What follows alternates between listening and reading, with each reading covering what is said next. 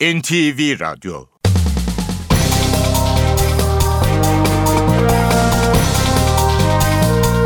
İşe Giderken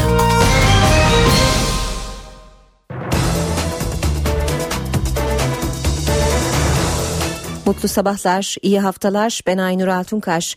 Bugün 25 Ağustos Pazartesi. Haftanın ilk iş gününde işe giderken de beraberiz. Türkiye ve dünya gündemine yakından bakacağız. Önce gündemin başlıkları.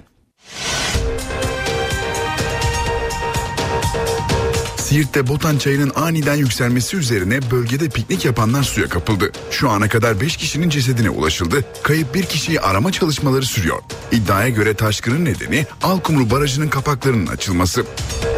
İstanbul Küçükçekmece'de Suriyelilerin genç bir kızı taciz ettiği, bir çocuğu da darp ettiği iddiası tansiyonu yükseltti. İddialara tepki gösterenlerin bazı ev ve iş yerlerine saldırması sonucu yaralananlar oldu. Liselerde nakil müracaatları bugün başlıyor. TEOK kapsamında liselere kesin kaydı yapılan öğrenciler açık kontenjan bulunan başka okullara nakil talebinde bulunabilecek. Milli Eğitim Bakanlığı tarafından özel okullara yönelik verilecek eğitim teşviği için başvuru süresi bugün sona eriyor. Sosyal paylaşım sitesi Twitter'ın yetkilileri 3 ay aradan sonra yeniden Türkiye'ye geliyor. Heyet bugün İstanbul'da görüşmelerde bulunacak. Sarıkamış'ta eski belediye başkanının silahlı saldırısına uğrayan kalp cerrahı Profesör Bingür Sönmez ambulans uçakla İstanbul'da görev yaptığı hastaneye getirildi. Sönmez'in sağlık durumu iyi. Amerika Birleşik Devletleri'nin Kaliforniya eyaletinde meydana gelen 6 büyüklüğündeki depremde 3'ü ağır 87 kişi yaralandı. Yangınlar çıktı, bazı evler hasar gördü. İşe Giderken gazetelerin gündemi.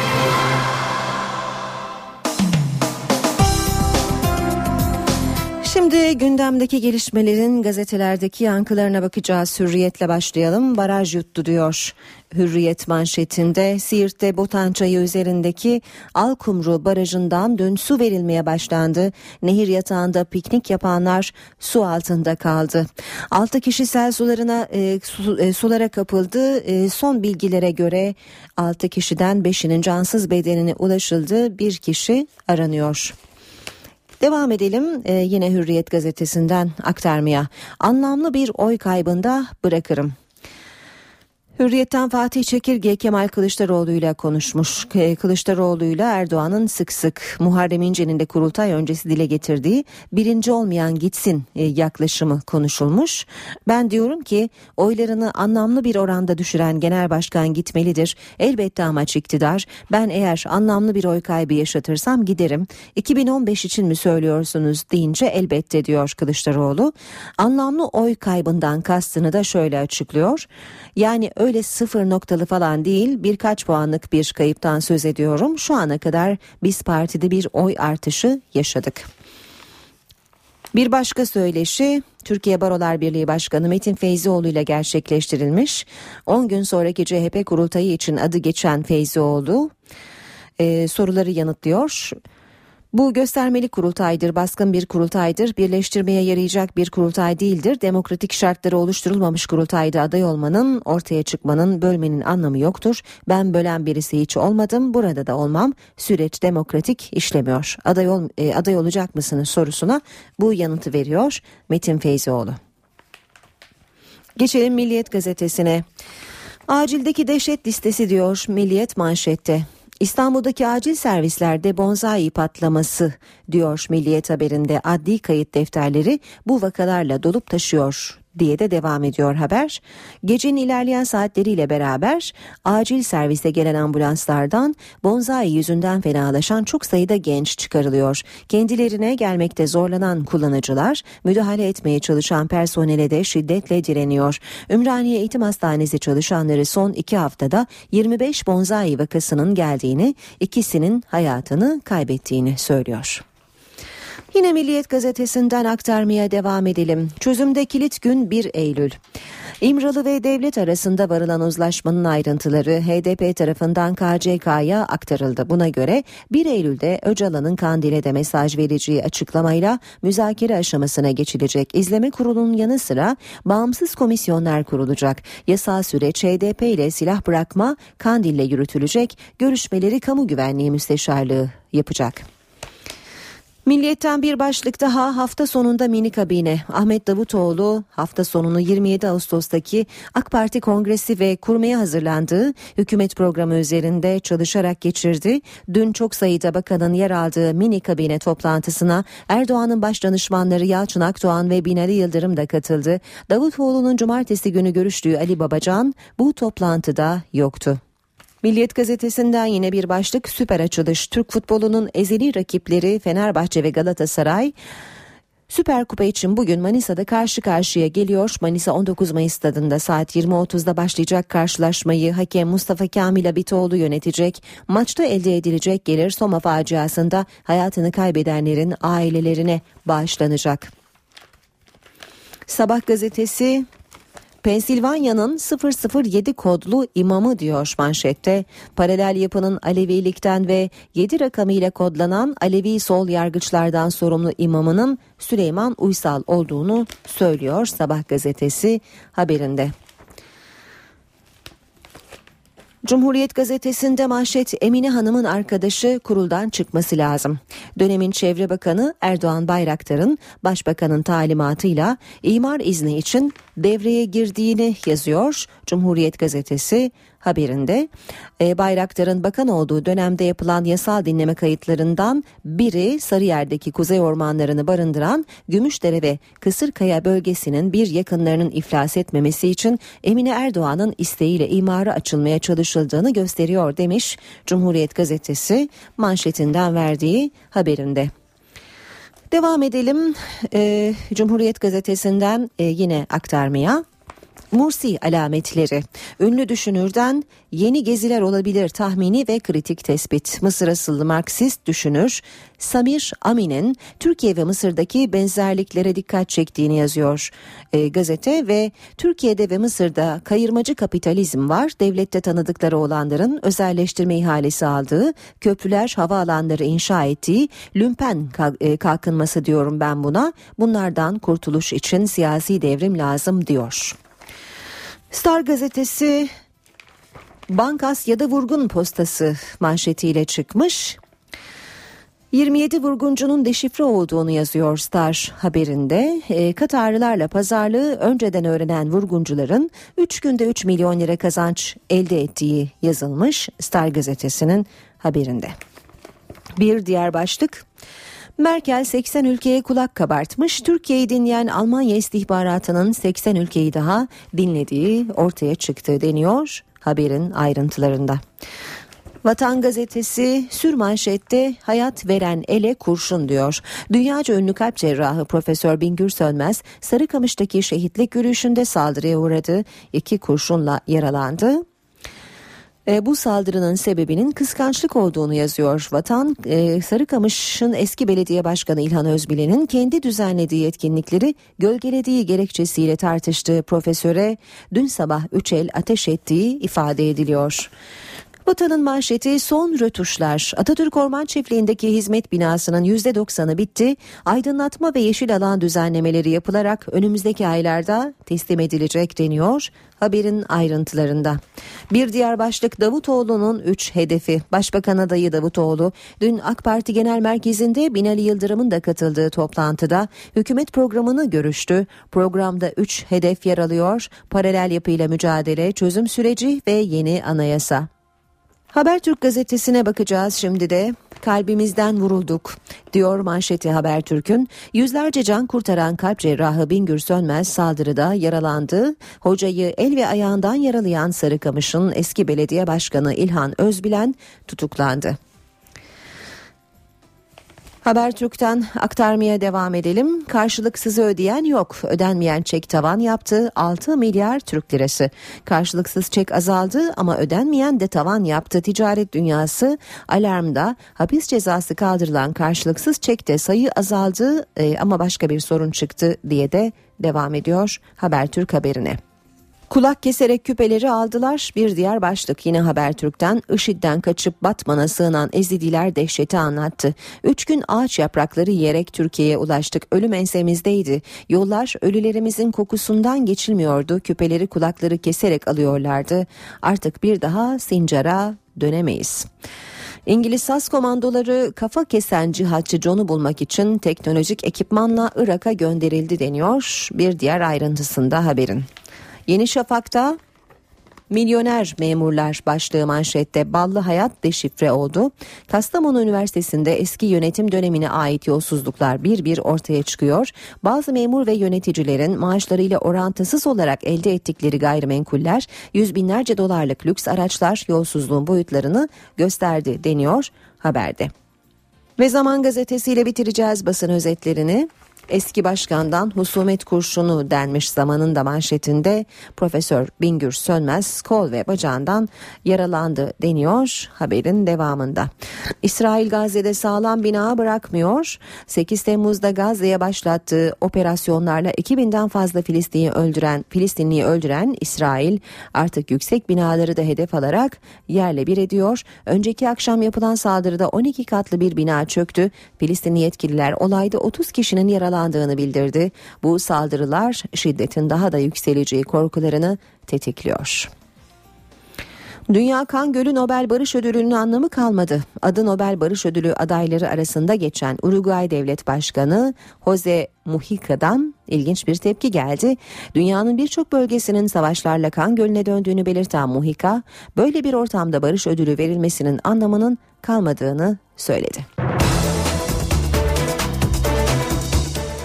Saat 7.17 gündemin ayrıntılarıyla devam ediyoruz. Siirt'te Botan Çayı'nda dün akşam taşkın faciası yaşandı. Çayın su seviyesinin aniden yükselmesi üzerine bölgede piknik yapanlar suya kapıldı. İddiaya göre taşkının nedeni Alkumru Barajı'nın kapaklarının açılması. Şu ana kadar 5 kişinin cesedine ulaşıldı. Kayıp bir kişi için arama çalışmaları devam edecek. Şimdi son bilgileri NTV muhabiri Gökten Bedük'ten alıyoruz. Ahmet Tente'nin cenazesine ulaşılmıştı. O noktaya geldik. Olayın yaşandığı yer 3 kilometre kuzeyimizde ve işte Ahmet Tente'nin cenazesi bu noktaya kadar ulaşmıştı ve şu anda da AFAD ekipleri o noktada görevliler bekliyorlar. Şu anda neler yapılıyor onu anlatacağım size.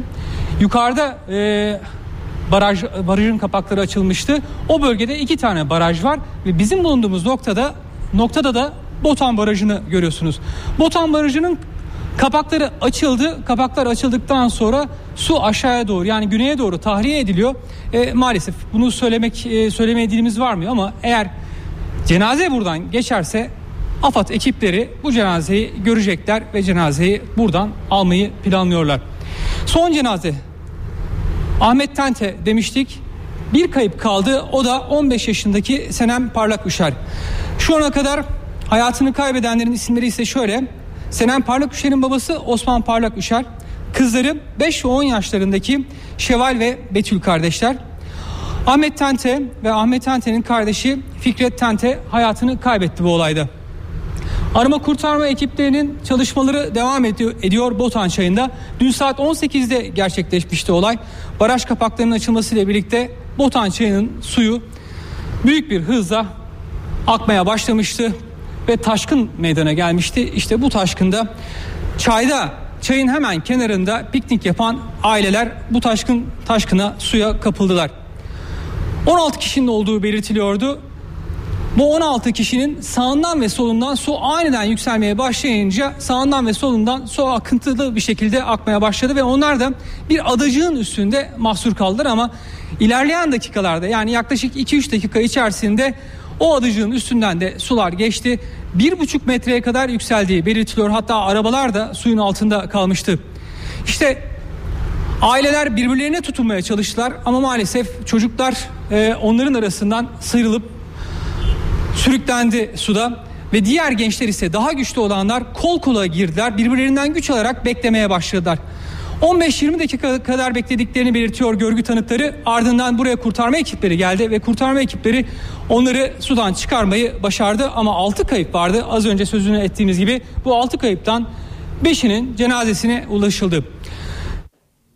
Gökten Bedük son bilgileri aktardı. Şimdi bir başka bölgemize gidiyoruz. Burdur'da da dün akşam 4,8 büyüklüğünde deprem meydana geldi. Depremde can kaybı yok ancak kentte kısa süreli panik yaşandı. Bazı kerpiç evler hasar gördü. Son durumu da e, Ağlasun ilçesinden Sibel Atasoy'dan alacağız. AFAD Deprem Daire Başkanlığı'nın yaptığı açıklamaya göre deprem deprem üstü Burdur, Ağlasun ve 4.8 şiddetinde saat 22.43'te dün akşam 22.43'te meydana geldi deprem.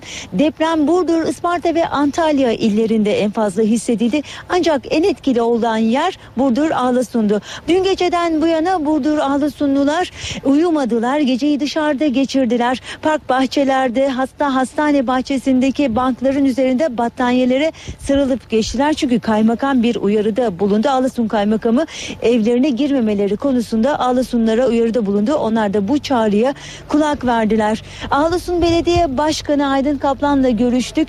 O da bize şu bilgileri verdi. 7 hafif yaralı hastaneye kaldırıldı. Bunlar depremden değil de panikten e, yar, yaralanmışlardı. Hafif yaralılardı ve taburcu oldular. Bu bilgiyi verdi ve 5 kerpiç ev zarar gördü. Kerpiç evde çatlaklar var ve bacaları e, yıkılmış durumda evlerin. Bunun dışında Ağlasun'da büyük bir zarar yok. Ancak panik var. Ağlasunlular geceyi dışarıda geçirdiler. AFAD ekipleri buradaydı. AFAD ekipleri de incelemelerde bulundular burada ve özellikle bizim şunu belirtmemizi istediler. Burdur, Af- Burdur, Antalya ve Isparta yolunun kapalı olduğuna dair söylentiler olduğunu belirttiler. Bunun gerçek dışı olduğunu, yolların açık olduğunu belirttiler ve bu bilgiyi de iletmemizi istediler. Gece boyunca artçı depremler oldu. Hem Isparta'da hem bulunduğumuz yerde artçı depremler de yaşandı. Şu anda durum burada sakin gözüküyor. Ağlasunlular e, uyudukları yerlerden kalktılar. Güne başladılar. Gün ağardı. E, Bundan sonraki gelişmeleri aktaracağız. Bursa Uludağ'da mahsur kalan 5 kişiye ulaşıldı. Kurtarma ekipleri 24 saatlik mücadele sonucu 5 kişiyi de kurtarmayı başardı. Sarp bir yamaçta mahsur kalan 5 kişi 24 saat sonra kurtarıldı. İddiaya göre Bursa Şevket Yılmaz Eğitim ve Araştırma Hastanesi'nde çalışan 5 arkadaş doğa yürüyüşü yaparken Uludağ'dan Bursa'ya gitmek için ormanın içinden geçmek istedi. Ancak hava karardığında Softaboğan Deresi'nin altındaki uçurumda mahsur kaldılar. İçlerinden biri jandarmayı arayarak yardım istedi. Bölgeye jandarma arama kurtarmayla Nilüfer arama kurtarma ekipleri sevk edildi. Ekipler yoğun çaba sonucu mahsur kalanların yanına ulaşmayı başardı. Halatlarla yukarı çıkarılan 5 kişinin de sağlık durumu iyi. Aynı bölgede 3 sene önce de sarp kayalıklardan düşerek hayatını kaybeden bir kişinin cesedi 15 saatlik çalışma sonucu çıkarılabilmişti. Hafta sonu yine boğulma haberleri geldi. Kocaeli'de denize giren iki kişi boğuldu, üç kişi ise son anda kurtarıldı. Samsun'un Atakum ilçesinde de denize giren 10 yaşındaki bir kız çocuğu hayatını kaybetti. 15 kişi boğulma tehlikesi atlattı. Karadeniz sahillerinde boğulma vakaları yaşandı. 3 kişi öldü, 18 kişi denizden son anda çıkarıldı. Kocaeli'nin Kandıra ilçesinde 33 yaşındaki Ertuğrul Özer, Babalı koyundaysa Rahmetullah Taşköprü boğularak hayatını kaybetti. Farklı noktalarda boğulma tehlikesi geçiren 3 kişi ise çevredekiler tarafından kurtarıldı. Samsun'un Atakum ilçesinde de peş peşe imdat çağrısı geldi. Denize giren 10 yaşındaki Fatma D sudan hareketsiz çıkarıldı. Hastaneye kaldırılan küçük kız hayatını kaybetti. Farklı noktalarda serinlemek için denize giren 15 kişi boğulma tehlikesi geçirdi.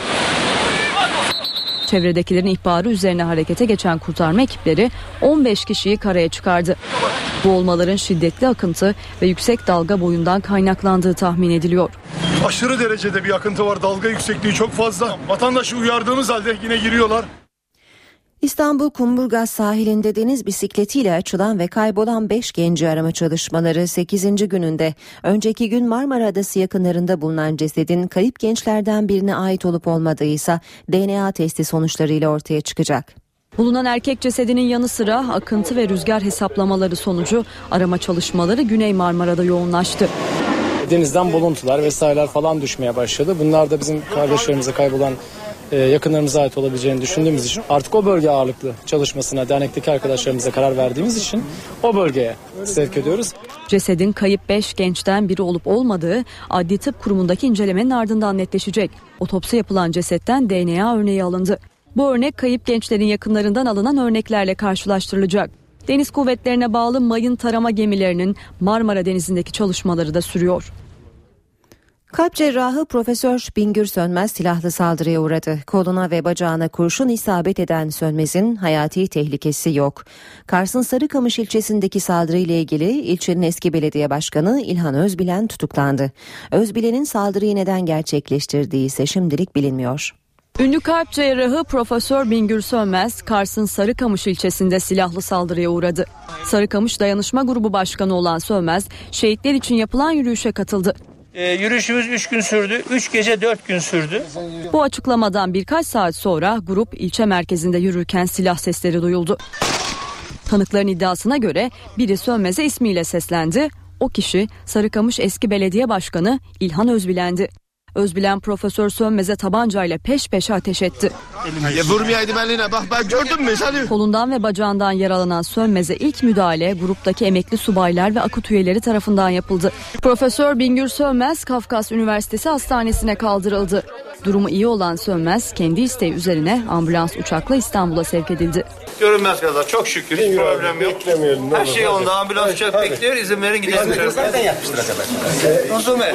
Nusume. Onu onu devlet belirleyecek. Hakim savcı hakim belirleyecek.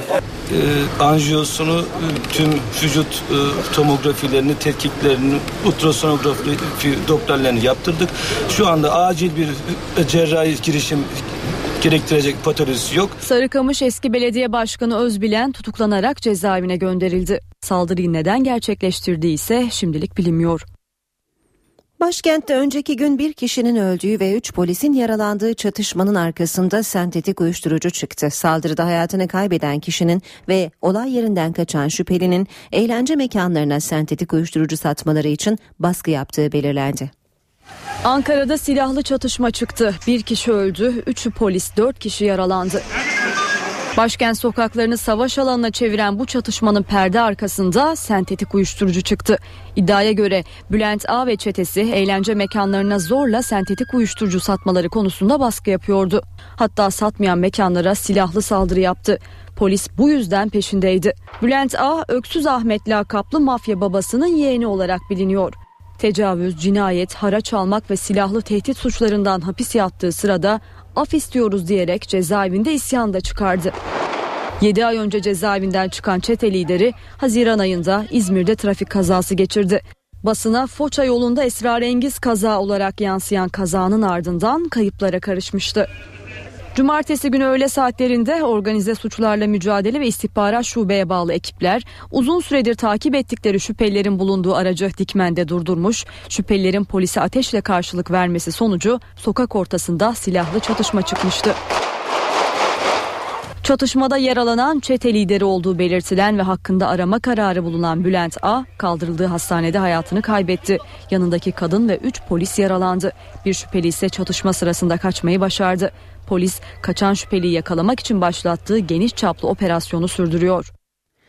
İstanbul Küçükçekmece'de Suriyelilerin genç bir kızı taciz ettiği iddiası üzerine dün akşam tansiyon yükseldi. Sığınmacıların bir çocuğu darp ettiği de öne sürüldü. İddialara tepki gösterenlerin bazı ev ve iş yerlerine saldırması sonucu yaralananlar oldu. Olaylara polis müdahale etti. Ev ve iş yerleri taşlandı, otomobiller ters çevrildi. İddiaya göre iki telli Mehmet Akif mahallesindeki olaylar Suriyelilerin bir genç kızı taciz etmesiyle başladı. Bir başka iddiaya göre ise sığınmacılar küçük bir çocuğu darp etti. Öfkeli kalabalık Suriyelilerin çalıştığı yerlere saldırdı, yaralananlar oldu. Olaylara polis müdahale etti. Gerginlik sırasında bir motosikletle dereye atıldı.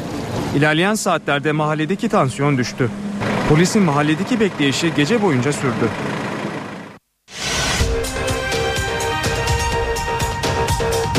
Siirt'te Botan çayının aniden yükselmesi üzerine bölgede piknik yapanlar suya kapıldı. Şu ana kadar 5 kişinin cesedine ulaşıldı. Kayıp bir kişiyi arama çalışmaları sürüyor. İddiaya göre taşkının nedeni Alkumru Barajı'nın kapaklarının açılması. İstanbul Küçükçekmece'de Suriyelilerin genç bir kızı taciz ettiği, bir çocuğu da darp ettiği iddiası tansiyonu yükseltti. İddialara tepki gösterenlerin bazı ev ve iş yerlerine saldırması sonucu yaralananlar oldu. Liselerde nakil müracaatları bugün başlıyor. TEOK kapsamında liselere kesin kaydı yapılan öğrenciler açık kontenjan bulunan başka okullara nakil talebinde bulunabilecek.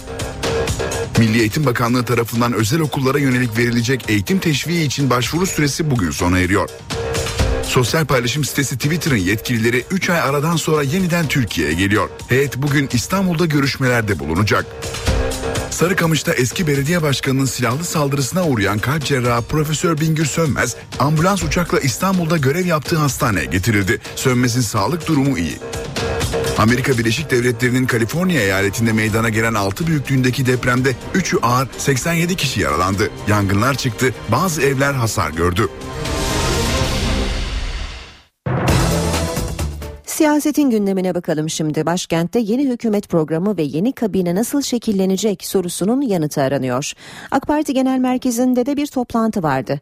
AK Parti'nin Genel Başkan ve Başbakan adayı Ahmet Davutoğlu önce 27 Ağustos'taki kongre ardından da hükümet programı için mesai yaptı. AK Parti'de olağanüstü kongre ve yeni kabine hazırlıkları sürüyor. İktidar Partisi'nin genel başkan ve başbakan adayı Ahmet Davutoğlu pazar günü mesaisinde iki ayrı toplantıya katıldı. Toplantılarda önce 27 Ağustos'ta yapılacak olağanüstü kongre ardından hükümet programı masaya yatırıldı. İlk toplantı teşkilattan sorumlu Genel Başkan Yardımcısı Süleyman Soylu başkanlığında gerçekleşti. Soylu ve ekibi Davutoğlu'nu 27 Ağustos'taki kongrenin hazırlıklarına ilişkin bilgilendirdi. Toplantıda ayrıca kongrenin davetli listesi ve Davutoğlu'nun yapacağı konuşma da masaya yatırıldı. İki saat süren toplantının ardından Ahmet Davutoğlu başkanlığındaki ikinci toplantı başladı. Toplantıya İçişleri Bakanı Efkan Ala, Kültür ve Turizm Bakanı Ömer Çelik, Ulaştırma, Denizcilik ve Haberleşme Bakanı Lütfü Elvan, Gençlik ve Spor Bakanı Çağatay Kılıç'la Genel Başkan Danışmanları Yalçın Akdoğan ve Binali Yıldırım katıldı. İkinci toplantının ana gündem maddesi 62. hükümetin hükümet programıydı. Program 3 ana başlıkta masaya yatırıldı. Paralel yapı iddialarına yönelik bundan sonra izlenecek yol haritası, çözüm süreci ve yeni anayasa. Bunların yanı sıra ekonomi ve dış politika başlıkları da masadaydı. Toplantıda yeni kabineye ilişkinde görüş alışverişinde bulunuldu. Türkiye eğitimde önemli bir haftaya giriyor. Bugün liselerde nakil başvuruları başlayacak. Milli Eğitim Bakanlığı tarafından özel okullara yönelik verilecek eğitim teşviki için başvuru süresi de bugün sona eriyor. Temel eğitimden orta öğretime geçiş sistemi TEOK kapsamında liselere kesin kaydı yapılan öğrenciler açık kontenjan bulunan başka bir orta öğretim kurumuna nakil talebinde bulunabilecek. Nakil başvuruları 28 Ağustos'a kadar devam edecek. Ayrıca Milli Eğitim Bakanlığı tarafından özel okullara yönelik verilecek eğitim teşviki için başvuru süresi sona eriyor. Öğrenciler saat 17'ye kadar başvuru yapabilecek. İki gayrimüslim öğrenci İmam Hatip'e yerleştirildi. Bazı öğrenciler de evlerinden çok uzak okullara kaydedildi. TEOK'ta yaşanan aksaklıkları ve çözüm aşamasını İstanbul İl Milli Eğitim Müdürü Muammer Yıldız dün NTV'de değerlendirdi. İstanbul'da iki gayrimüslim öğrenci temel eğitimden orta öğretime geçiş sınavı sonrası İmam Hatip'e yerleştirildi. Konuya İstanbul İl Milli Eğitim Müdürü Muammer Yıldız açıklama getirdi. Anne babalarıyla görüştüm. Ee, orada söyledikleri ben diyor ki çocuğumu zaten diyor e, azınlık okullarından birisine özel okula göndereceğim için hiçbir şekilde sistemde tercih yapmadım diyor. Yetkililere göre sorunun nedeni öğrencilerin tercih yapmamış olması. Bu vatandaşımız zaten bir e, herhangi bir okul tercih yapmadığı için özel okula çocuğunu gönderecek. E, yarın e, biliyorsunuz nakiller başlıyor. Nakiller sırasında e, çocuğunu kaydettiği okula yani şu anda e, bir imam hatip lisesinde kaydı gözüküyor ya. Yarın oraya gidip e, kendi özel hangi okulu tercih ediyorsa o okulu tercih ettiği zaman e, çocuğun kaydını almış olacak. Yeni sisteme göre tercih yapmayan öğrenciler otomatik olarak evlerine en yakın okullara yerleştirildi. Ancak burada da aksaklıklar var. Mesela Bağcılar'da, Bağcılar'da bir öğrencimiz e, sanıyorum Tuzla'da bir okula yerleştirilmiş. Bu da bizim açımızdan incelemeye değer bir konu. Biz yarın itibariyle çocuğumuzun tekrar tercihlerine bakacağız. E, onunla ilgili hata nereden kaynaklanıyor? E, kişi, acaba kişinin adresiyle ilgili bir e, yanlış bir bildirim mi söz konusu?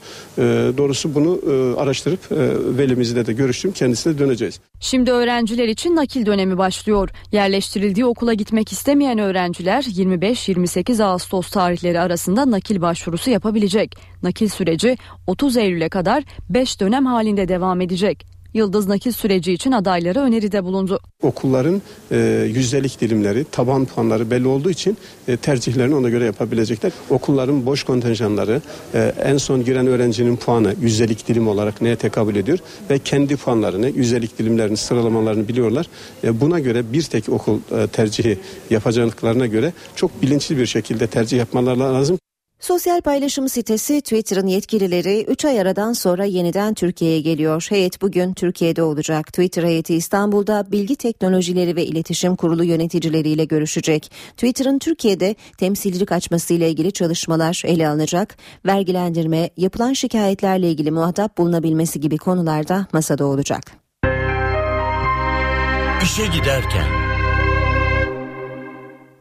Amerika Birleşik Devletleri'nin Kaliforniya eyaletinde meydana gelen 6 büyüklüğündeki depremde 3'ü ağır 87 kişi yaralandı. Yangınlar çıktı, bazı evler hasar gördü. Kaliforniya valisi acil durumu ilan etti. Amerika Birleşik Devletleri'nin Kaliforniya eyaleti bölgede meydana gelen son 25 yılın en şiddetli depremiyle sarsıldı. 6 büyüklüğündeki depremin merkez üssü eyaletin kuzeyindeki Napa kentinin 10 kilometre güneyiydi. Napa'da halk sarsıntının şiddetiyle sokaklara döküldü. Depremin şiddetiyle kentin bazı bölgelerinde gaz kaçağı meydana geldi. Yangınlar çıktı. Bazı evler küle döndü.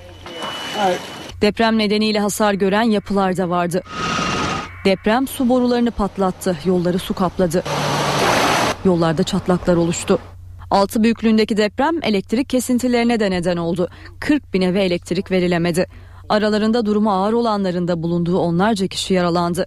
Deprem kuşağında bulunan Kaliforniya'da 1989'da meydana gelen 6,9 büyüklüğündeki deprem 63 kişinin yaşamını yitirmesine neden olmuştu.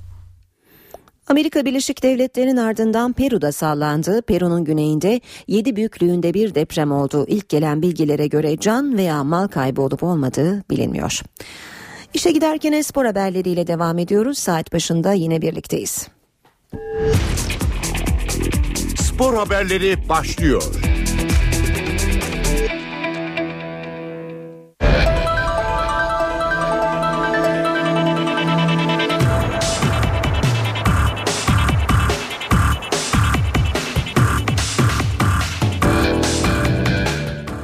Günaydın spor gündeminden gelişmelerle birlikteyiz. Futbolda gözler Fenerbahçe ile Galatasaray arasındaki Süper Kupa maçına çevrildi. Saat 20.30'da başlayacak Süper Kupa maçını hakem Mustafa Kamil Abitoğlu yönetecek.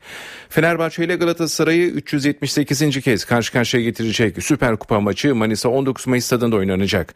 Maçın tüm geliri Soma'da yaşamını yitiren madencilerin ailelerine aktarılacak. Süper Kupayı iki sezondur müzesine götüren Galatasaray son iki finalde karşılaştığı Fenerbahçe'yi Erzurum'daki maçta 3-2, Kayseri'de ise uzatmada 1-0 mağlup etmişti. Ezeli rekabette Sarı lacivertler geride kalan 377 maçtan 143'ünü kazanırken Sarı Kırmızılar 121 kez güldü. İki takım 113 karşılaşmada eşitliği bozamadı. Süper Kupayı daha önce 3 kez Galatasaray, 2 kez Fenerbahçe, birer kez de Beşiktaş ve Trabzonspor kazandı. TFF Süper Kupa maçı öncesi Galatasaray ve Fenerbahçe teknik direktörleri basın mensuplarının karşısına birlikte çıktı. Cesare Prandelli karşılaşmanın manevi anlamının kazanmaktan önemli olduğunu söylerken İsmail Kartal futbol severlere güzel bir maç seyrettireceklerini belirtti. Fenerbahçe Teknik Direktörü İsmail Kartal ve Galatasaray'ın çalıştırıcısı Cesare Prandelli TFF Süper Kupa maçını beraber değerlendirdi. İki eseri rakibin teknik direktörü Soma için Manisa'da olmaktan memnuniyet duyduklarını söyledi ailelerimizin, şehitlerimizin yarın oynayacağımız futbolla onları bir nebze de olsa elimizden geldiği kadar mutlu etmeye çalışacağız. Her şey fair play içerisinde olmasını diliyorum.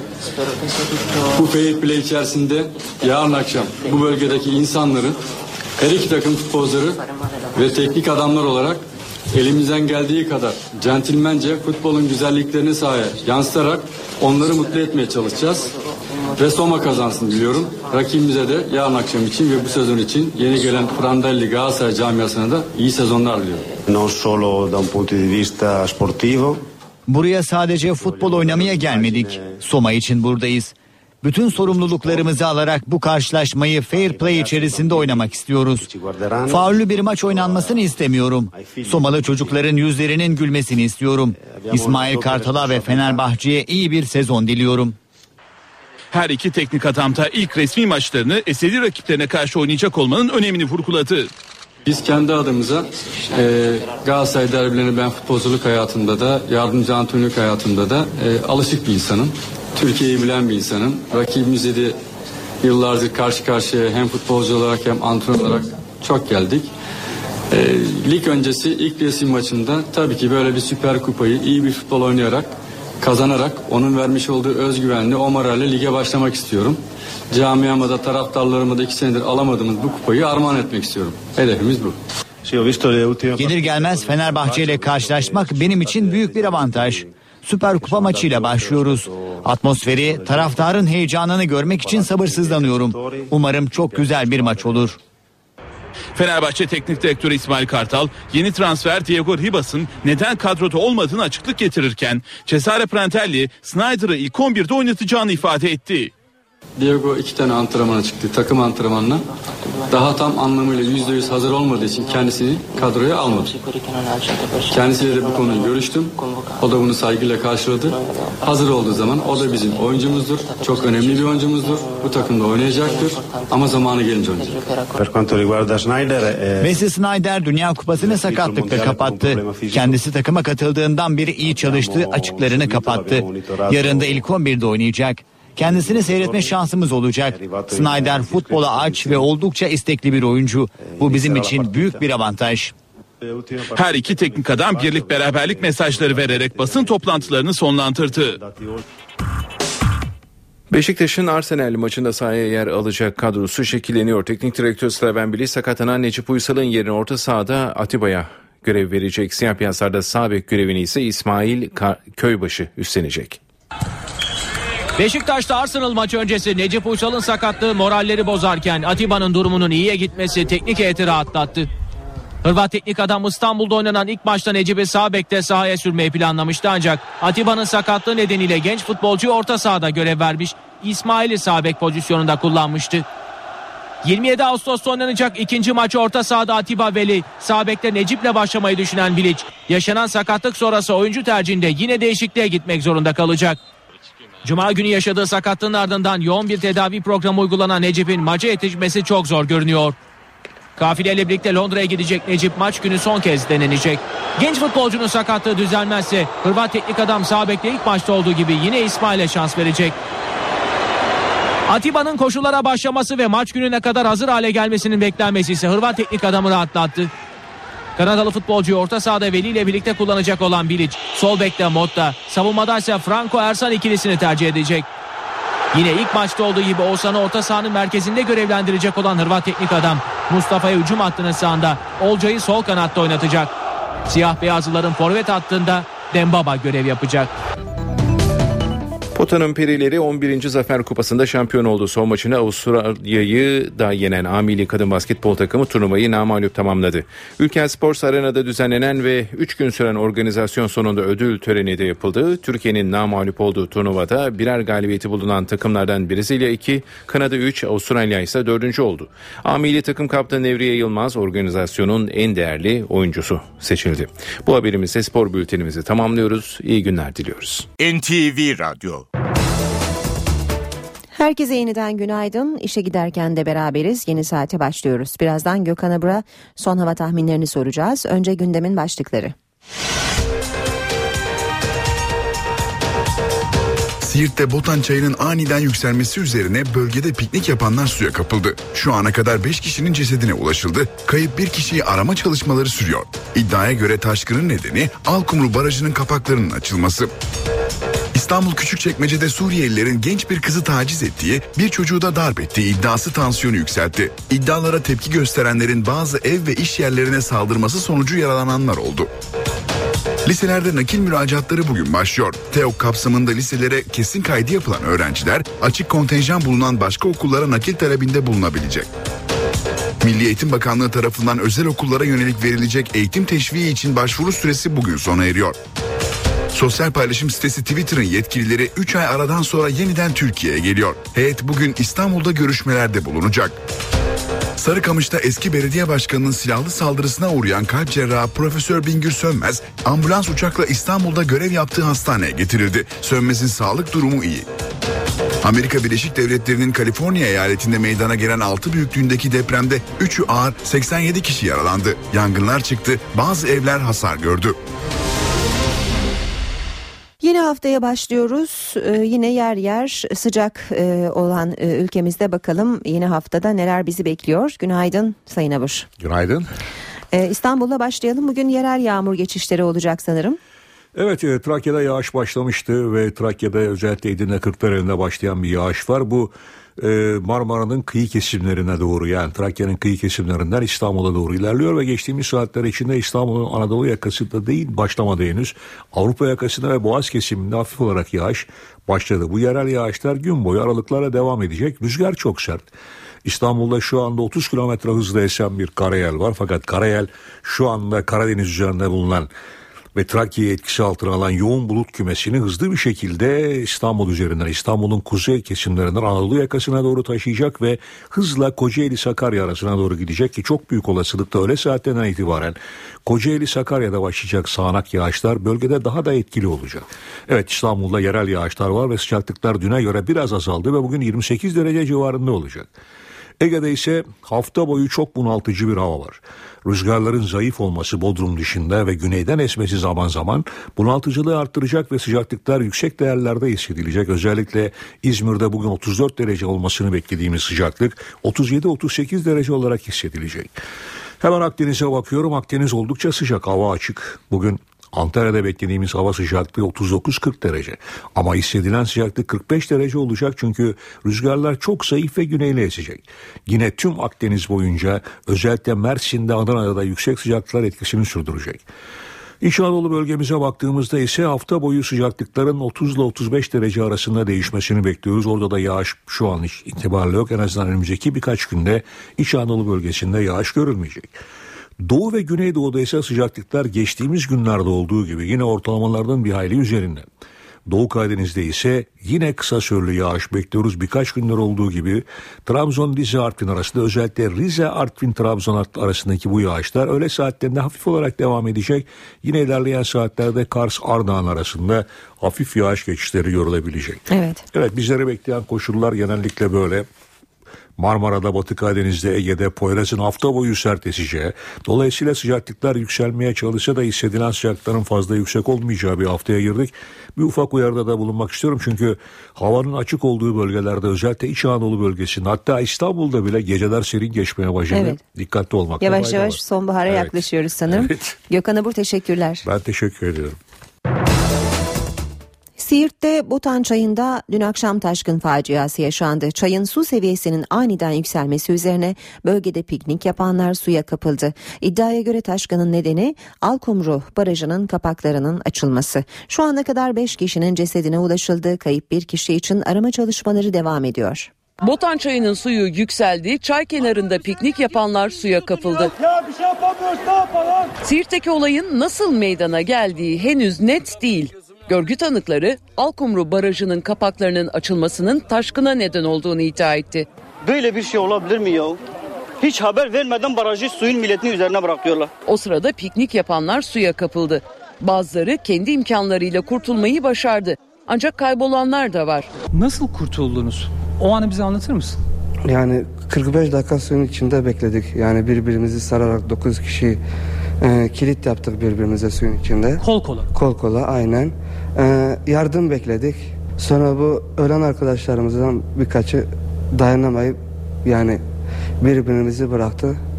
E, sonra olay zaten e, sudan biz aşağı doğru gittik. Arkadaş kurtardı kendini. Ben 2-3 kilometre aşağıda kendimi buldum. Bölgeye çok sayıda kurtarma ve sağlık ekibi sevk edildi. Siirt Belediye Eş Başkanı Tuncer Bakırhan, 6 yaralının da hastaneye kaldırıldığını ve hayati tehlikelerinin bulunmadığını söyledi. Kentte kriz masası oluşturuldu. Başbakan Erdoğan bölgedeki yetkilileri arayarak olayla ilgili bilgi aldı. Barajın sahibi olan şirketten de açıklama geldi. Grubumuza ait Alkumru ve Kirazlık hidroelektrik santrallerinde olağan çalışma prosedürü içerisinde üretime geçilmiş olup herhangi bir taşkın, baraj kapağı arızası ya da kapakların açılması söz konusu değildir denildi. Çok sayıda kişinin öldüğü yönündeki söylentiler kentte hareketliliğe neden oldu. Kalabalık bir grup Siirt Devlet Hastanesi'nin bahçesinde toplandı. İddiaları yalanlayan Siirt Vali Yardımcısı Mustafa Pala bölgede arama çalışmalarının sürdüğünü söyledi. Şırnak'ta da Cizre Belediyesi olası bir taşkına karşı vatandaşları uyardı. Burdur'da da 4,8 büyüklüğünde bir deprem oldu. Depremde can kaybı yok ancak kentte kısa süreli panik yaşandı. Saat 22.43'te meydana gelen sarsıntının merkez üssü Ağlasun ilçesi. Burdur'un yanı sıra Antalya ve Isparta'da da hissedilen deprem nedeniyle bazı kerpiç evlerde hasar meydana geldiği belirtildi. Baygınlık geçiren ve paniğe kapılıp pencerelerden atlayan 7 kişi hastanelik oldu. Burdur valisi Hasan Kürklü, yardım ekipleri ve diğer birimler görev başında bölgede durum incelemesi yapılıyor dedi. Siyasette devam edelim. Başkentte yeni hükümet programı ve yeni kabine nasıl şekillenecek sorusunun yanıtı aranıyor. AK Parti Genel Merkezi'nde de bir toplantı vardı. AK Parti'nin Genel Başkan ve Başbakan adayı Ahmet Davutoğlu önce 27 Ağustos'taki kongre ardından da hükümet programı için mesai yaptı.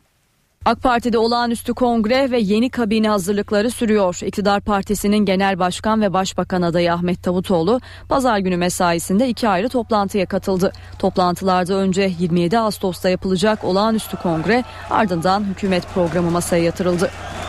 İlk toplantı teşkilattan sorumlu Genel Başkan Yardımcısı Süleyman Soylu başkanlığında gerçekleşti. Soylu ve ekibi Davutoğlu'nu 27 Ağustos'taki kongrenin hazırlıklarına ilişkin bilgilendirdi. Toplantıda ayrıca kongrenin davetli listesi ve Davutoğlu'nun yapacağı konuşma da masaya yatırıldı. İki saat süren toplantının ardından Ahmet Davutoğlu başkanlığındaki ikinci toplantı başladı. Toplantıya İçişleri Bakanı Efkan Ala, Kültür ve Turizm Bakanı Ömer Çelik, Ulaştırma, Denizcilik ve Haberleşme Bakanı Lütfü Elvan, Gençlik ve Spor Bakanı Çağatay Kılıç'la Genel Başkan Danışmanları Yalçın Akdoğan ve Binali Yıldırım katıldı. İkinci toplantının ana gündem maddesi 62. hükümetin hükümet programıydı. Program 3 ana başlıkta masaya yatırıldı. Paralel yapı iddialarına yönelik bundan sonra izlenecek yol haritası, çözüm süreci ve yeni anayasa. Bunların yanı sıra ekonomi ve dış politika başlıkları da masadaydı. Toplantıda yeni kabineye ilişkinde görüş alışverişinde bulunuldu. HDP heyeti çözüm sürecinde gelinen son aşamayı görüşmek üzere Kandil'e gitti. Heyette HDP Grup Başkan Vekilleri İdris Baluken ve Pervin Buldan'la HDP İstanbul Milletvekili Sırrı Süreyya Önder yer aldı. HDP'den yapılan yazılı açıklamada heyetin Kandil'le çözüm süreci ve Irak'ta yaşanan son gelişmeleri değerlendireceği bildirildi. Suriyeli sığınmacıların neden olduğu gerilimleri önlemek için hükümet yeni adımlar atıyor. Buna göre düzeni bozan Suriyeliler sınır dışı edilecek. Dilencilik de önlenecek. Düzeni bozan Suriyeliler sınır dışı edilecek. Karar, Başbakan Yardımcısı Beşir Atalay Başkanlığında gerçekleştirilen Suriyeli sığınmacılar toplantısında çıktı. Suriye'de 2011 yılının Mart ayında başlayan iç savaşın ardından yaklaşık 1,5 milyon Suriyeli Türkiye'ye göç etti. 218 bin sığınmacı kamplarda. 1 milyon 127 bin 970 Suriyeli ise çeşitli illerde kalıyor. Sayıları her geçen gün artan Suriyeli sığınmacılar karşısında hükümet yeni önlemler aldı. Toplantıdan çıkan en önemli karar, kamu güvenliğini bozan Suriyelilerin artık sınır dışı edilecek olması. Bu kararla son günlerde vatandaşlarla Suriyeliler arasında yaşanan gerginliğin önüne geçilmesi hedefleniyor. Toplantıda ayrıca dilencilik, fuhuş ya da ikinci evlilikler gibi toplumsal dokuya zarar veren olaylara karşı önlem alınması da kararlaştırıldı. Buna göre çalışma hayatı ile ilgili tedbir alınacak, Suriyeli çocukların okula gitmeleri, Türkçe öğrenmeleri sağlanacak. Sokakta yaşayan Suriyeliler geçici barınma merkezlerine yönlendirilecek. Ayrıca sınır güvenliği konusundaki çalışmalar sürdürülecek. Irak Şam İslam Devleti örgütü Suriye'nin Rakka vilayetine bağlı Tapka ilçesinde yer alan askeri havaalanının kontrolünü ele geçirdi. Irak Şam İslam Devleti örgütü Suriye'deki ilerleyişini sürdürüyor. Son olarak IŞİD Suriye'nin Rakka vilayetine bağlı Tebga ilçesinde yer alan askeri havaalanının kontrolünü ele geçirdi.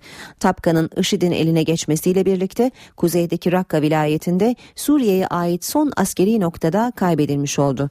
IŞİD'in havaalanını ele geçirmesi hareketinden sonra çok sayıda rejim askerini öldürdüğü ve esir aldığı öne sürüldü. Yaklaşık bir haftadır IŞİD ve Suriye ordusu arasında Tapga yakınlarında şiddetli çatışmalar yaşanıyordu. İsrail Gazze'yi vurmaya devam ediyor. Dünkü saldırılarda en az 5'i çocuk toplam 17 kişi öldü. İsrail'in saldırıları başladığından bu yana ise ölenlerin sayısı 2000'i aştı.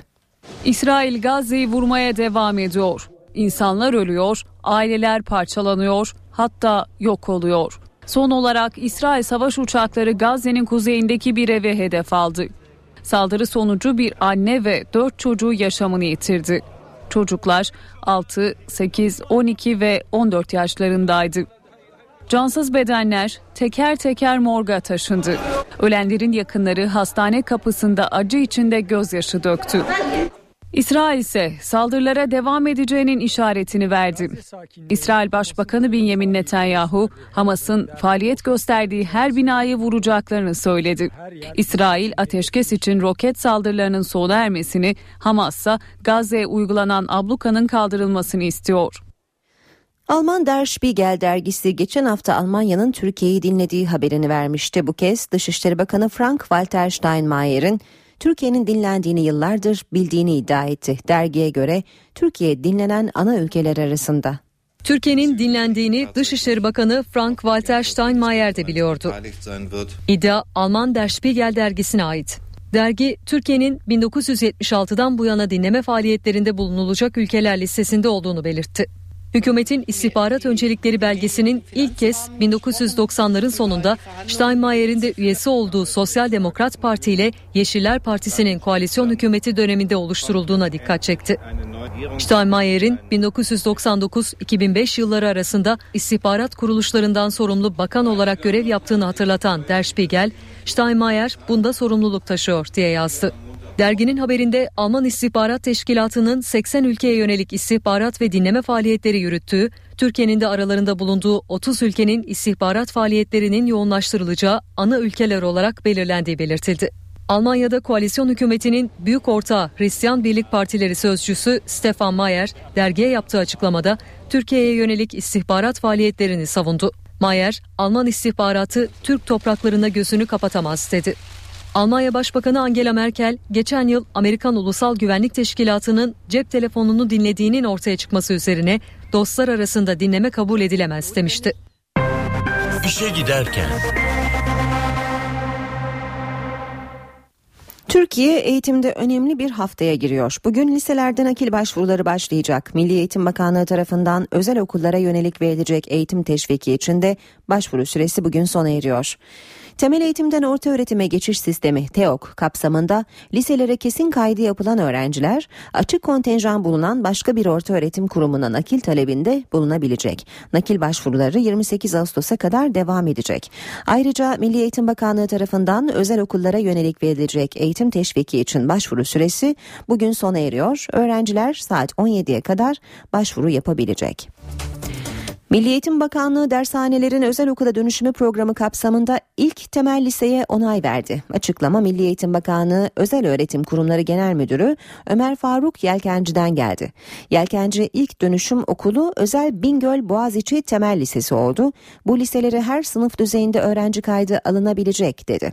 Özel okula dönüşüm programında ilk dönem başvurularının sona erdiğini söyleyen Yelkenci, birinci dönemde yapılan 463 başvurudan 326'sının kabul edildiğini edildiğini bildirdi.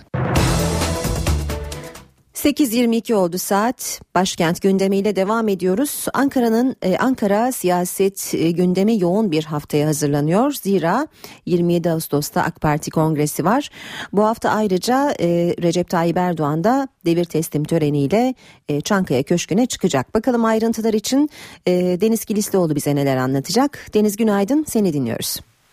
Günaydın Aynur. Bir sonla başlayalım o zaman. 61. Hükümetin son bakanlar kurulu toplantısı bugün yapılacak. Toplantıya Cumhurbaşkanı seçilen Recep Tayyip Erdoğan son kez başkanlık edecek. Ee, adı AK Parti Genel Başkan adayı olarak açıklanan Ahmet Davutoğlu da son kez Dışişleri Bakanı olarak o koltuğa oturacak. Toplantıda Erdoğan'ın hükümet üyelerine, e, kabine üyelerine veda etmesini bekliyoruz. E, yeni kabineye ilişkinde görüş alışverişinde bulunması muhtemel. Ee, Erdoğan'ın bir programıyla daha devam etmiş olalım. Yargıtay Başkanı Ali Alkan'la bugün bir görüşmesi var. Bunu da bir not olarak aktarmış olalım. Ee, iktidar kanadına tabii yanıtı aranan soru yeni kabine nasıl şekillenecek? Ee, Başbakan adayı Ahmet Davutoğlu dün bakanlar ve AK Parti kurmaylarıyla bir araya gelmişti. Hükümet programı ve kabineye ilişkin görüşmeler yapmıştı. Ayrıca kongre hazırlıkları da masaya yatırılmıştı. Davutoğlu'nun e, bugün de çalışmaları devam edecek. Dışişleri konutunda Bakanlar Kurulu'na kadar çalışmalarını sürdürüyor olacak. Muhalefet cephesi de hareketli. CHP olağanüstü kurultaya hazırlanıyor bilindiği gibi. Kemal Kılıçdaroğlu'nun şimdilik tek rakibi Muharrem İnce ama muhalif kanattan başka adaylar da çıkması bekleniyor. Kimler aday olacak? Delege kimden yana olacak? Kurultayda ne tür mesajlar verilecek? Tüm soruların yanıtlarını bugün de aramaya devam edeceğiz. Ve iktidar ve muhalefetin cephesindeki tüm bu başlıklar meclisin de gündeminde olacak. Mecliste basın toplantıları var. E, son not olarak onları aktarmış olalım. CHP'li Sezgin Tanrıkulu, Faruk Loğlu ve Atilla Kart'la MHP'li Emin Haluk Ayhan meclis kürsüsünden verecek mesajlarını gündemi basın toplantılarında değerlendirecekler. Aynur. Teşekkürler Deniz. Deniz Kilislioğlu aktardı başkent gündemini. Şimdi ekonomi başlığıyla devam edeceğiz. Önce Ayşe teyze ne yapsın köşesinde Profesör Güngör Uras bize mutfak enflasyonundan bahsedecek. Güngör Uras, Ayşe teyze ekonomide olan biteni anlatıyor. Merhaba sayın dinleyenler, merhaba Ayşe Hanım teyze, merhaba Ali Rıza Bey amca. Türk İş 27 yıldan beri her ay açlık ve yoksulluk sınırı araştırması yapıyor. Açlık sınırı araştırması ile 4 kişilik bir ailenin her ay en az kaç lira harcama ile karın doyuracağı belirleniyor. Yoksulluk sınırı araştırması ile de gıda harcaması yanında giyim, konut, kira, elektrik, su, yakıt, ulaşım, eğitim, sağlık ve benzeri ihtiyaçlar için 4 kişilik bir ailenin bir ay içinde yapması zorunlu diğer harcamaların miktarı belirleniyor. 2014 yılı Temmuz ayı sonuçlarına göre 4 kişilik bir ailenin sağlıklı, dengeli ve yeterli beslenebilmesi için gereken aylık gıda harcaması tutarı ki buna açlık sınırı deniyor 1177 lira.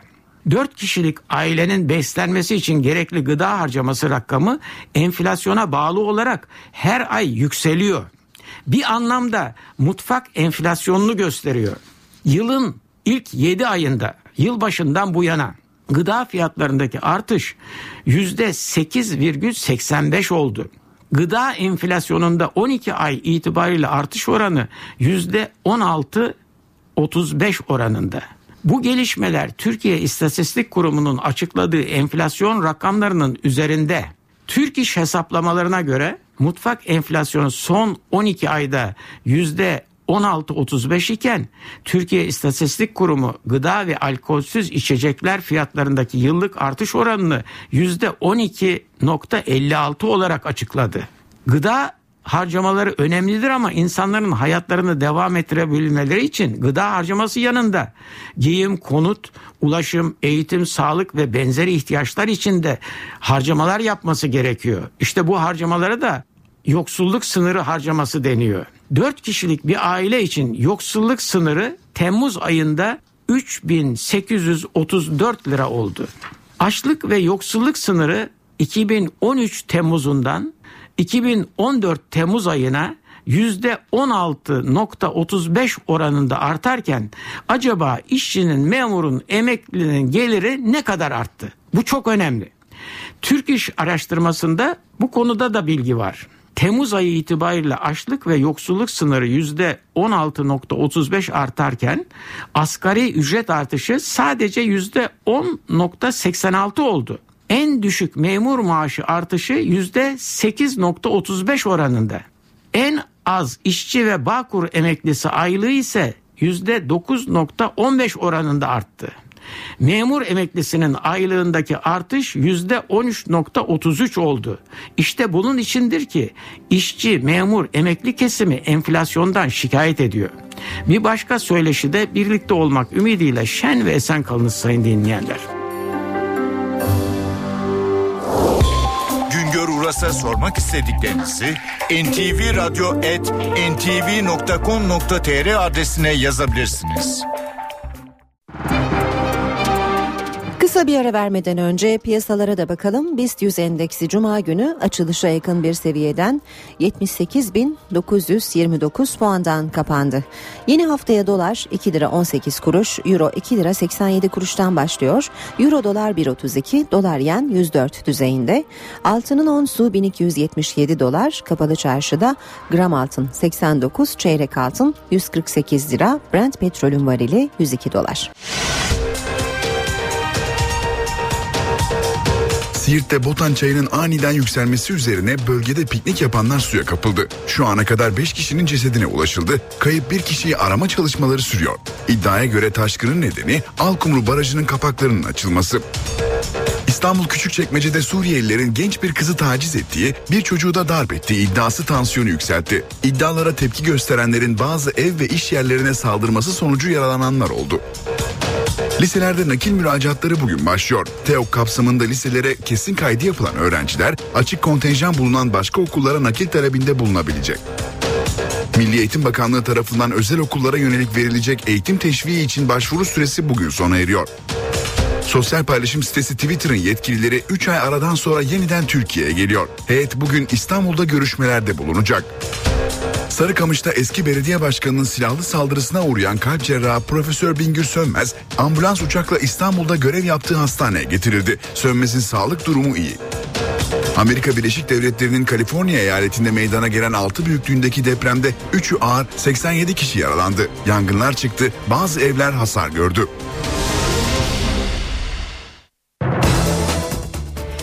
İçişleri Bakanlığı nüfus hizmetlerini hızlandırmak için çalışma başlattı. Yeni kanun taslağına göre nüfus cüzdanını kaybedenler artık ceza ödemeyecek. Ayrıca pasaport işlemleri polisten alınıp Nüfus ve Vatandaşlık İşleri Genel Müdürlüğü'ne devredilecek. Nüfus cüzdanını kaybedenler para cezası ödemeyecek. İkametgah belgesi almak kolaylaşacak. Pasaport işlemleri polisten alınacak.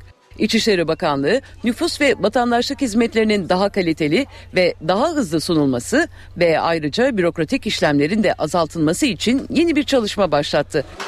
Bu kapsamda nüfus hizmetleri kanununda değişiklik yapılmasına ilişkin kanun taslağı hazırlandı. Düzenleme ile nüfus cüzdanlarını kaybedenlerle doğumu gerekli sürede bildirmeyenlere uygulanan idari para cezası kaldırılıyor. Adres bildirimlerini süresi içinde yerine getirmeyenlere uygulanan idari para cezasında ise indirime gidiliyor. Bunun yanı sıra pasaport hizmetleri Nüfus ve Vatandaşlık İşleri Genel Müdürlüğü'ne devrediliyor. Çalışma kapsamında nüfus kayıt örneği ve ikametgah belgesi alımına da kolaylık getirilmesi öngörülüyor. Bu belgelerin e-devlet sisteminden elektronik ortamda alınabilmesine olanak sağlanıyor. Ayrıca doğum bildirimleri nüfus müdürlükleri ve dış temsilcilikler dışında doğumun gerçekleştiği sağlık kuruluşunca yapılacak. Bu sayede doğum hızlı şekilde aile kütüklerine tescil edilebilecek. Türklere Anadolu'nun kapılarını açan Malazgirt Zaferi'nin 943. yıl dönümü Muş'ta bugün başlayıp 3 gün sürecek etkinliklerle kutlanacak. Gençlik ve Spor Bakanlığı öncülüğünde gerçekleşecek programa 81 ilden 1071 tarihçi katılacak. Malazgirt Savaşı'nın 943. yıl dönümü için 1071 tarihçi Muş'ta buluşacak. Gençlik ve Spor Bakanlığı 1071 Malazgirt Zaferi'ni 25-27 Ağustos tarihleri arasında kutlayacak. Bakanlık ilk adım olarak izleyenleri 943 yıl öncesine götüren bir video hazırladı. Gençlere tarih bilinci vermesi hedeflenen programa 81 ilden tarih öğretmenleri ve öğrencileriyle akademisyenlerden oluşan 1071 genç tarihçi katılacak. Malazgirt Zaferi bu tarihçilerin katılacağı geniş kapsamlı bir çalıştayla ele alınacak. 3 gün sürecek programda Malazgirt 2071 bayrak koşusu, mehteran, halk oyunları ve ata sporları gösterileriyle konserler gibi çok sayıda etkinlik yer alacak. 26 Ağustos 1071 tarihinde Büyük Selçuklu hükümdarı Alparslan'la Bizans İmparatoru 4. Roman Diyojen arasında gerçekleşen muharebe Türklere Anadolu'nun kapılarını açan savaş olarak biliniyor. IŞİD saldırılarından kaçan Ezidilerin zorunlu göçü sürüyor. Onlarca Ezidi 21 günlük yolculuğun ardından Türkiye'ye ulaştı. Kaçak yollarla Türkiye'ye geçen Ezidilerin geçici ikametgahları ise okullar. IŞİD saldırılarından kaçan Ezidilerin zorunlu göçü devam ediyor. Onlarca Ezidi her şeyi göze alarak çıktıkları yürüyüşün sonunda Türkiye sınırına ulaştı. Pasaportları olmadığı için Habur sınır kapısından geçemeyeceklerdi. Uludere'nin Ortasu köyü yakınlarındaki kırsal alanı kullandılar. Kaçak olarak Türkiye'ye girip resmi makamlara teslim oldular. 21 gündür Şengal bölgesinden yürüyerek buraya gelmeye çalışıyoruz. 7 saat dağlarda yürüdük. Sınırın öbür tarafında çok sayıda arkadaşımız kaldı. Şengal bölgesinden kaçtık. Her şeyimizi orada bıraktık. Zar zor canlarımızı kurtarabildik. Türk tarafına geçmeyi başaran Ezidilerin geçici ikametgahları ise genellikle sınır köylerindeki okullar. Ezidiler belediye ve kurumların yaptığı yardımlarla hayatta kalmaya çalışıyorlar. Diyarbakır polisi uyuşturucuyla mücadele ediyor. Sokak sokak gezerek broşür dağıtıyor. Broşürde uyuşturucunun tehlikeleri anlatılıyor. Diyarbakır Emniyeti uyuşturucuyla mücadele için alarmda. Kent sokaklarında bilgilendirici broşür dağıtılıyor. ilgili de broşürler dağıtıyoruz. Sizi bilgilendirmek amaçlı. Polisler Şeyh Said Meydanı'nda bölge halkıyla bir araya geldi. Organizasyonda önce narkotik köpeğiyle kısa bir gösteri yapıldı. Ardından Emniyet Müdürü Halis Böğürcü uyuşturucu operasyonları ile ilgili bilgi verdi. Böğürcü özellikle İstanbul ve Bursa'nın kabusu olan sentetik uyuşturucunun Diyarbakır'da olmadığını söyledi. 2014 yılının ilk 6 ayında 11 ton 628 kilogram esrar maddesi, 6367 adet ekstazi hap, 3103 gram eroin ele geçirilmiştir. Burada ayrıca söyleyeyim, ilimizde bonsai satışıyla alakalı herhangi bir vaka yoktur. Polis ekipleri daha sonra kent sokaklarına dağıldı. Uyuşturucunun tehlikesi konusunda bilgilendirici broşür dağıtan ekipler Diyarbakırlılardan uyuşturucuyla savaşta destek istedi. Erzurum, Bayburt ve Erzincan tırmanış merkezi haline geliyor. Türkiye'nin önde gelen dağcıları 3 şehirde 150 tırmanış noktası açmak için çalışmalara başladı. Kayalıklara tırmanıyorlar, her noktayı özenle tarıyorlar. Türkiye'nin önde gelen dağcıları Erzurum, Bayburt ve Erzincan'da tırmanış için rota belirliyor. Ekibin amacı Kuzeydoğu'nun Dikey Dünyası projesi kapsamında bölgeyi geleneksel ve botlu tırmanış noktası haline getirmek. Dağcılar aynı zamanda 1000 metreyi bulan kayalarda temizlik yaparak bölgeyi tırmanışa hazırlıyor. Şu anda rotaları temizleme ve aynı zamanda e, rotaların güvenliğini sağlamakla ilgili bir ön çalışmamız var. Kesinlikle e, güvenlik e, ön planda. Ben de rota içerisindeki e, tutamak ve basamakların sağlamlığını biraz sonra kontrol edeceğim. Dağcılar Erzurum'da 100, Bayburt ve Erzincan'da 20'şer tırmanış rotası belirleyecek. E, bölgelerde her yıl gelen insanlar burada tırmanış yaparak, yeni rotalar açarak bu işi geliştirecekler. Bu belki binleri bulacak ve burası bir uluslararası tırmanış bahçesi haline gelecek. Bölgede elde edilen bilgiler daha sonra kitap haline getirilecek. Gümrük ve Ticaret Bakanlığı okulların açılmasına 3 hafta kala kırtasiye ve okul malzemeleri denetimlerine hız verdi. Bakanlık son 2 ayda 30 ilde denetim yaptı. Öğrenci sağlığına zararlı olduğu tespit edilen ürünler piyasadan toplatılacak. 15 Eylül'de okul zili yeniden çalacak ve yaklaşık 20 milyon öğrenci ders başı yapacak. Gümrük ve Ticaret Bakanlığı yeni eğitim öğretim yılı öncesinde kırtasiye ve okul malzemeleri denetimlerine hız verdi. Çantalar, boya malzemeleri, silgiler, kalemler, su mataraları gibi kırtasiye ürünleriyle öğrencilere yönelik her türlü okul kıyafeti ve ayakkabıları sıkı denetimden geçirildi. Denetimler 2 ay boyunca toplam 30 ilde yapıldı. Güvensiz olduğundan şüphe edilen ürünlerdense numune alındı. Test raporları sonucunda güvensiz bulunan ve öğrenci sağlığına zarar verebilecek ürünler piyasadan toplatılacak. Gümrük ve Ticaret Bakanlığı verilerine göre kırtasiye ve okul malzemelerinde yapılan denetimlerde güvensiz olduğu tespit edilen ürün sayısında düşüş var. 2011'de kırtasiye ürünlerindeki güvensizlik oranı %53 iken 2012'de %24'e, 2013'te ise bu rakam %18'e düştü. Başından aşağı buzlu su dökenlerin sayısı hızla artsa da ALS hastalığı için toplanan bağışlar beklenenin altında. ALS hastalarının yararlanacağı bakım merkezi için 15 milyon lira gerekiyor. Toplanan bağış da şimdilik 207 bin lira. Ancak ALS hastaları kampanyanın hastalığın tanınmasında önemli rol oynadığını belirtiyor. Kerem Çatay, Ece Yörenç, Farah Zeynep Abdullah'a meydan okuyor. Hayır bağış anlamında görmedik ama tanıtım konusunda gerçekten gördüm. 13 yılda yapamadığımızı bir haftada sosyal medya yaptı. Sosyal medyaya da çok teşekkür ediyoruz. Adalet Gökçek ailesi hastalığıyla tam 15 yıl önce tanıştı. Eşi İsmail Gökçek vücudu üzerindeki kontrolünü yavaş yavaş kaybetti. Beyindeki belli e, hücrelerimiz ölüyor. E, teşhisi çok zor bir hastalık. Hastalıktan kaynaklanan sorunlarını çözdüğünüz zaman ailesi hastaları Allah ömür verdiği sürece yaşıyorlar. İsmail Gökçek şimdi ALS MNH Derneği'nin başkanlığını yapıyor. 2001 yılında kurulan bir dernek. Haftada bir kere hastalarımızı dernek merkezimize getirerek onlara fizyoterapi desteği veriyoruz. Ee, hasta yakınlarının, hastalarımızın çocuklarına burs veriyoruz. ALS hastaları eğer gerekli bakım sağlanırsa uzun süre hayatta kalabiliyor. Ancak Türkiye'de kurulması planlanan bakım merkezi için 15 milyon lira gerekiyor. Dünya çapında devam eden buzlu su kampanyası Türkiye'deki ALS hastaları için de umut oldu. Ancak toplanan para şimdilik sadece 207 bin lira. Bağış anlamında görmedik. Hani Amerika ile mukayese ettiğiniz zaman kesinlikle görmedik. İsmail Gökçek özellikle iş adamlarının kampanyaya bağışlarıyla katılmalarını istiyor. Fazla kilolar birçok kişinin sorunu. Eğer kilo vermekte zorlanıyorsanız bunun nedeni farklı bir sağlık sorunu olabilir. Uyku apnesi de bunlardan biri.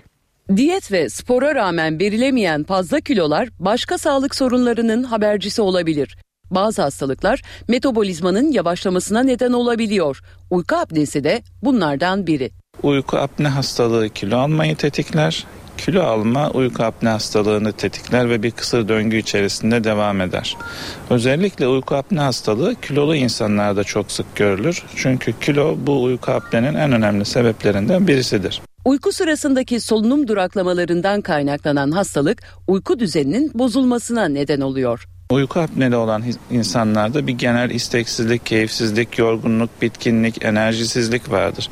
Hareket tembelliği vardır. Bu da kilo vermeyi zorlaştırır çünkü bir e, günlük aktivasyonlarını yapmakta zorlanırlar. Uzmanlar bu belirtileri gösteren kişilerin kulak burun boğaz doktoruna başvurmasını öneriyor. Uyku apnesi tedavi edilmezse gece ani ölümden kalp, akciğer, damar hastalıklarına kadar birçok rahatsızlığa yol açabiliyor. Bu haberle işe giderken sona erdi. Ben Aynur Altunkaş. Saat başında haber merkezi kuşağında buluşmak üzere. Hoşçakalın. NTV Radyo